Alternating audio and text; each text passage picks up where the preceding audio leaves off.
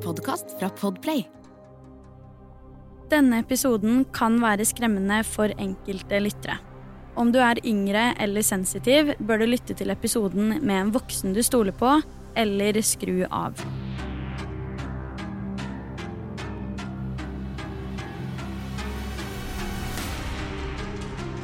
I denne ukens episode skal jeg ta for meg en sak som allerede i navnet gir meg gåsehud på ryggen. Det har jo nettopp vært halloween, og dette er historien om tre klassekamerater i 2006, hvor to av dem tungt inspireres av filmen Scream, som veldig ofte har en kobling til halloween.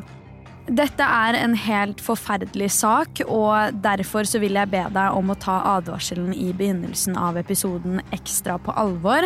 Fordi når jeg har gjort research på den saken her, så har jeg fått gåsehud langt nedover ryggen, og jeg har blitt så stressa av hele saken, rett og slett fordi det er lenge siden jeg har hørt opp en sak av det kaliberet her. Aller først, la meg fortelle deg litt om 16 år gamle Cassie Joe Stoddard.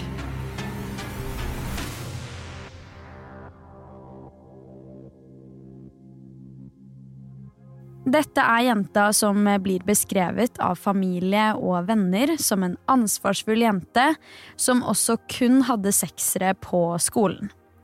Faktisk forklarer etterforskeren som senere var ansvarlig for saken hennes, at Cassie ikke gjorde annet enn å dra på skolen, men det samme kunne han også si om Cassies eh, sosiale liv. Hun gjorde ikke annet enn å bli venn med så å si alle. Ifølge de som sto Cassie nær, og som også var heldige nok til å få bli venn med henne, så var hun visstnok en veldig snill og omtenksom jente, men som samtidig var ganske sjenert til tross for at hun hadde mange venner. Likevel kan hennes nærmeste fortelle at hun er morsom, og hun har god humor. Folk beskriver også Cassie med ordet rettferdig, så da blir du kanskje ikke så veldig sjokkert når jeg sier at hun hadde en drøm om å bli jurist som voksen, og det var også den veien hun planla å gå da etter videregående. Cassie har også en kjæreste på den tiden her, og han heter Matt Beckham. For å beskrive hvordan Cassie ser ut, så har hun langt, mørkebrunt hår og kastanjebrune øyne, og hun er en helt normalbygd ung jente. Det er ikke sånn veldig mye mer info enn det her å finne ute om 16 år gamle Cassie, men jeg kan jo ta deg med til dagen da alt skal skje for Cassie, og grunnen til at denne saken heter The Scream Murder. 22.9.2006 er dagen da Cassie Joe Stoddard passer huset og de fem kjæledyra til da tanta og onkelen sin, som var borte denne helgen. Tanta og onkelen hennes heter da Alison og Frank Contreras. Huset til tante og onkelen hennes lå faktisk også bare noen kilometer unna hennes eget hjem, da i Pocatello i Idaho, så om det skulle være noe, så hadde hun egentlig ganske kort vei hjem. Som sagt så hadde jo Cassie da kjæreste, og siden hun skulle tilbringe helgen i huset til tanta og onkelen sin, hun fikk betalt for å være der, så bestemte hun seg for å høre med kjæresten om han da ville henge med henne der, og det ville han. Matt kommer da til Cassie rundt klokka seks på ettermiddagen den 22. september 2006. Litt senere den samme kvelden så kommer også to klassevenner av Cassie på besøk, nemlig da Brian Draper og Tori Adamchick. Jeg tror det er sånn man uttaler etternavnet hans. Cassie velger nå å gi de to nye gjestene en tour av huset hun passer, så de visste hvor alt var og lignende, så de slapp å spørre henne hvor f.eks. doen var. Og denne touren av huset inkluderte også kjelleren, da. Etter denne housetouren så bestemmer hele gjengen seg for å sette seg i stua og se på filmen Kill Bill 2. Faktisk så ender både Brian og Tori opp med å dra før filmen i det hele tatt er ferdig, og skylder på at de heller vil se en film på kinoen i byen. Så de var rett og slett nødt til å dra. Cassie og Matt var ikke like gira på å se en film på kino. De ville heller chille hjemme, så de ender da ikke opp med å bli med, så de blir heller værende i huset. Det verken Cassie eller Matt er klar over på det tidspunktet her, er imidlertid at Brian tidligere på kvelden hadde låst opp døra i kjelleren, slik at han og Tori senere kunne snike seg inn i huset uten at noen skulle legge merke til det. For i virkeligheten så hadde nemlig Brian og Tori en helt annen plan for kvelden enn å se en film på kino. Ikke så veldig mye senere, men bitte litt senere på kvelden, etter at guttene har forlatt huset der Cassie ennå befinner seg, så ender de nemlig opp med å returnere til huset. I USA så kan man jo da ta førerkortet fra man er 16 år gammel, så disse guttene hadde fra før av kjørt til Cassie tidligere på kvelden. Men de hadde også tenkt langt, for de hadde parkert bilen litt lenger ned i gata. Eh, men de var jo parkert i samme boligområde, så de hadde ikke så lang vei å gå. I bilen så har de med seg antrekk, eller jeg vil egentlig kalle det kostymer, som de skulle bruke under hendelsene som de snart var i ferd med å gjøre. Disse kostymene, som jeg vil kalle det, de kjenner du antageligvis igjen bare ved at jeg kan fortelle deg et par enkle detaljer om de.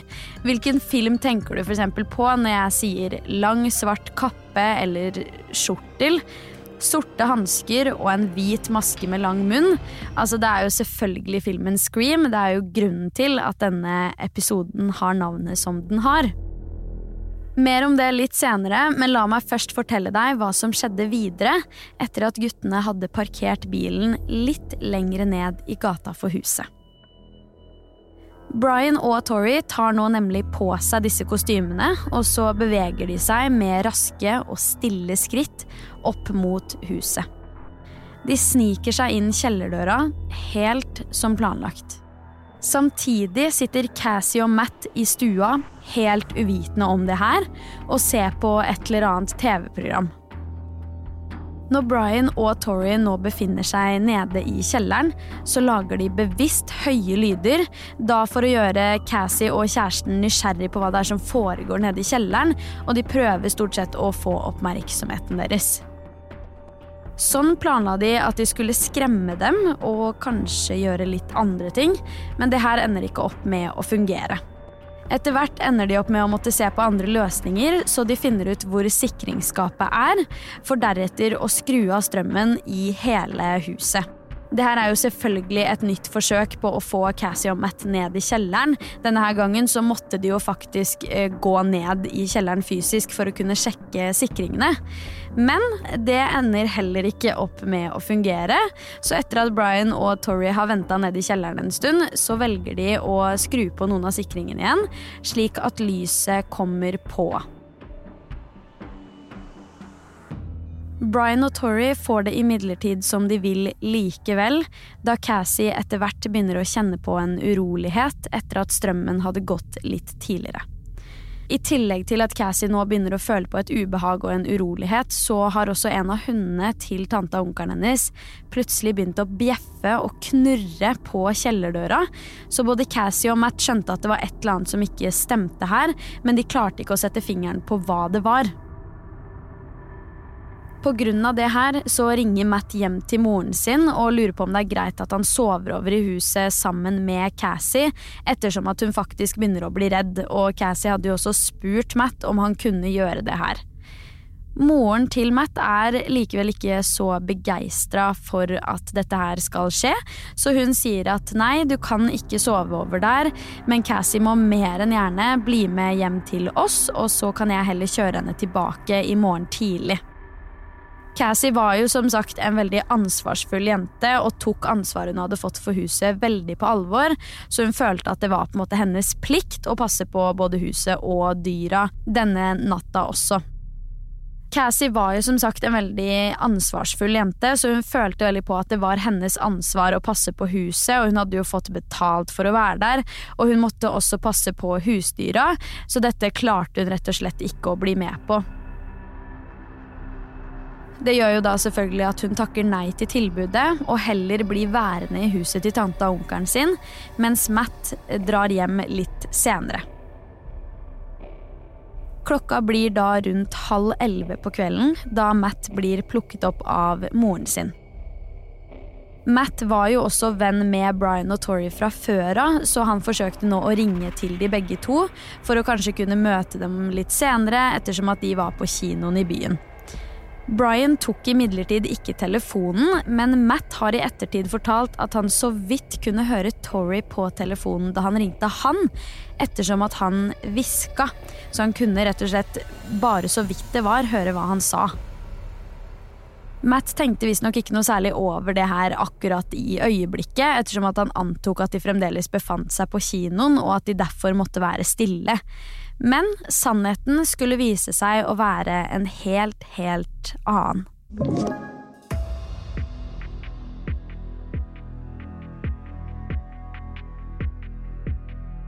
Brian og Tori hadde jo fått med seg alt dette her fra kjelleren, og de visste at Matt hadde dratt.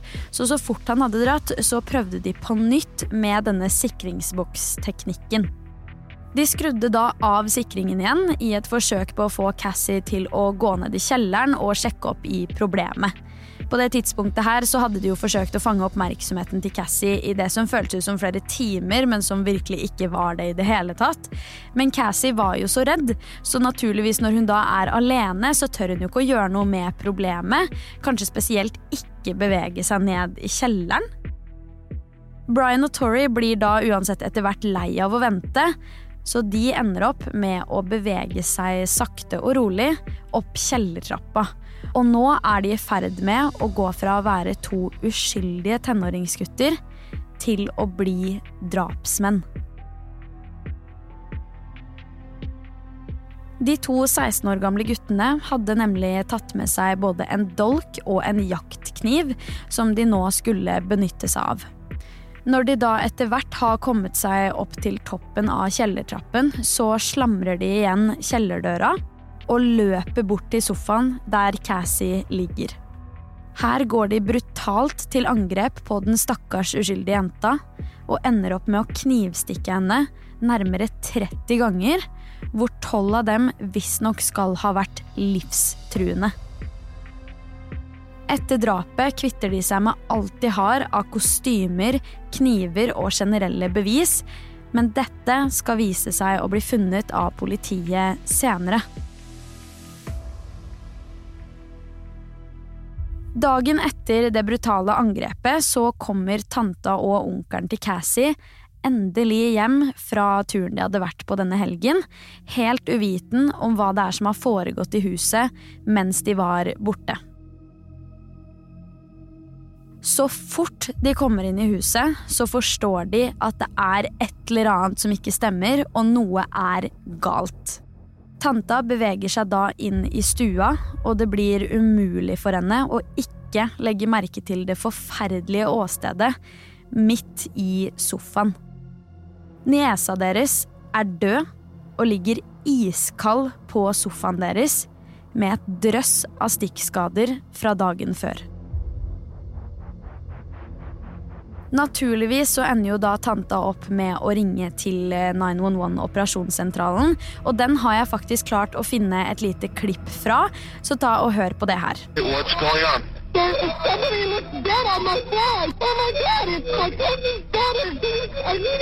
Let me get you order medical. Stay on the line. Oh my god, oh my god, oh my god, oh my god. Get everybody out. There's a girl out on my floor. Honey, is she breathing? No, she isn't. She's cold. Oh my god. She's cold as pie? She's cold. Som i alle drapssaker så kontakter jo politiet alle personer som kan vite noe om hendelsen, eller som i det hele tatt kan si noe om tidsrommet hvor noe har skjedd. Det er på den måten her at politiet etter hvert kommer i kontakt med kjæresten til Cassie, altså da Matt, som igjen kunne fortelle politiet at Brian og Tori tidligere på kvelden også hadde vært innom huset. Dette gjør at begge disse to guttene her blir tatt inn til avhør ganske raskt etter at drapet har skjedd.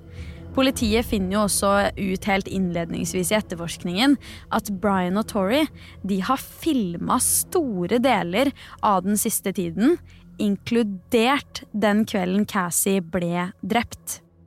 For politiet er jo det her i seg selv bevismateriale for at de har vært der, i det minste. Så det er til slutt dette som fører til en pågripelse av både Brian og Torrey allerede den 27. september 2006. Samtidig så blir da guttene sikta for overlagt drap på 16 år gamle Cassie. Det betyr rett og slett at de blir sikta for både drap og planleggingen av drapet i forkant. Overlagt drap betyr jo at det er et planlagt drap.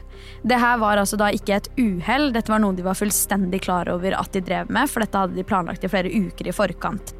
Det skal også sies at i siktelsen til Brian og Tori, hver for seg selvfølgelig, så står det ikke overlagt drap. Det står eh, at de er sikta for drap og også planleggingen. Så de er da sikta på to punkter som i Norge antageligvis hadde vært ett punkt. I de aller første avhørene så forklarer Brian at han var i samme rom som dem, men at han ikke gjorde noe som helst for å skade Cassie. Senere så innrømmer han at han har vært med på knivstikkingen, men mente bestemt at det var under tvang og press fra Tories side. Det at denne innrømmelsen kommer, gjør også da at Brian tar med seg politiet til en canyon, der hvor de har gjemt alle bevismaterialene som eksisterer, i hvert fall som de kunne komme på. Blant disse tingene finner de da selvfølgelig eh, drapsvåpnene, men de finner også et videokamera som har tatt opp hele hendelsen, og også flere dager i forkant. Uavhengig av hva guttene har sagt i avhør, så ble først Brian funnet skyldig for overlagt drap da den 17. april 2007. Tori på den andre siden blir funnet skyldig den 8. juni samme året, og i august 2007 så får de begge to tildelt en livstidsdom hver i fengsel, uten mulighet for prøveløslatelse, da for drap. I tillegg til det får de minst 30 år i fengsel i tillegg for planleggingen av drapet. Men hvem var egentlig disse guttene, og hva var bakhistorien deres? La oss ta Brian først. Brian Draper var en 16 år gammel gutt som da gikk i samme klasse som Cassie. På fritiden spilte han trommer, men han elska også skrekkfilmer, og hadde sett stort sett det meste man kunne se av skrekkfilmer på den tiden der. Veldig mange som gikk på samme skole som Brian, har faktisk sagt at han var en veldig snill og hyggelig person, men det skulle vise seg at han hadde noen mørke tanker bak kulissene som ingen andre enn han, Tori og et kamera visste om. Han var visstnok også helt opphengt i Columbine High School-massakren av en eller annen veldig spesiell grunn. Dette her hadde han angivelig også planer om å gjenskape selv på Pocatello High School, som da var skolen han selv gikk på. Brian har faktisk også uttalt på et filmopptak guttene da har gjort, at han hadde lyst til å sette sitt eget preg på verden, og at dette var en fin måte å gjøre det på.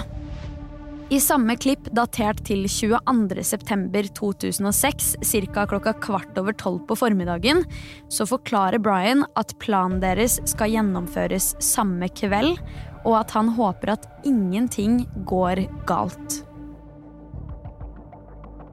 Tori Adamchick var en 16 år gammel gutt, han også, som i likhet med Brian gikk i samme klasse som Cassie. Tori på den andre siden hadde en drøm om å bli filmskaper etter videregående, men hadde også en forkjærlighet for skrekkfilmer, akkurat som Brian. Tori blir beskrevet som en gutt med like mange ustabile elementer som det Brian hadde i seg, men at han eksempelvis ikke var like opphengt i Columbine-massakren, så noen diskuterer jo med argumentet at Tori var den mindre syke av de, og at det var Brian som var initiativtakeren. Det er jo bare spekulasjon, og uansett så utvikler de to et veldig tett bånd til hverandre, og de blir veldig nære i løpet av veldig kort tid på videregående. Det er også da de etter hvert sammen kommer opp med det de anser som en glimrende plan, som de senere også skal da gjennomføre og også bli dømt for, og det er da drapet på Cassie. Altså, det er jo virkelig ingen tvil om at dette her er en helt ufattelig fæl sak. Og det er også skikkelig ekkelt å tenke på at disse guttene her i flere uker planla drapet, og spesielt også det faktum at de også har filma tiden før og også under drapet. Rett og slett fordi de har sett det på film og blitt inspirert av det. For meg så høres det her helt sinnssykt ut. Tanken gjør meg på ekte kvalm, men jeg håper at du som lytter uansett har funnet episoden spennende å høre på. Dersom det er en sak du virkelig vil at jeg skal ta for meg, kanskje du har noen spørsmål rundt saken, eller om du ønsker å få litt ekstramateriale bak noen av episodene, så sjekk meg gjerne ut på Instagram der jeg heter Forsvinningsfredag. Du har hørt Forsvinningsfredag podkast med meg, Sara Høydahl. Og dersom du vil høre om flere true crime-saker, så må du veldig gjerne sjekke meg ut på YouTube også, der jeg heter Sara Høydahl. Uansett så kommer det en helt ny Forsvinningsfredag podkast-episode allerede neste fredag. Og i mellomtiden, ta vare på deg selv.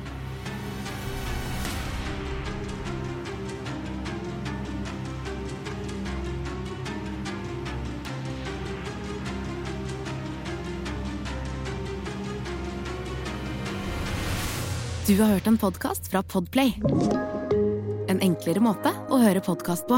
Last ned appen Podplay eller se podplay.no.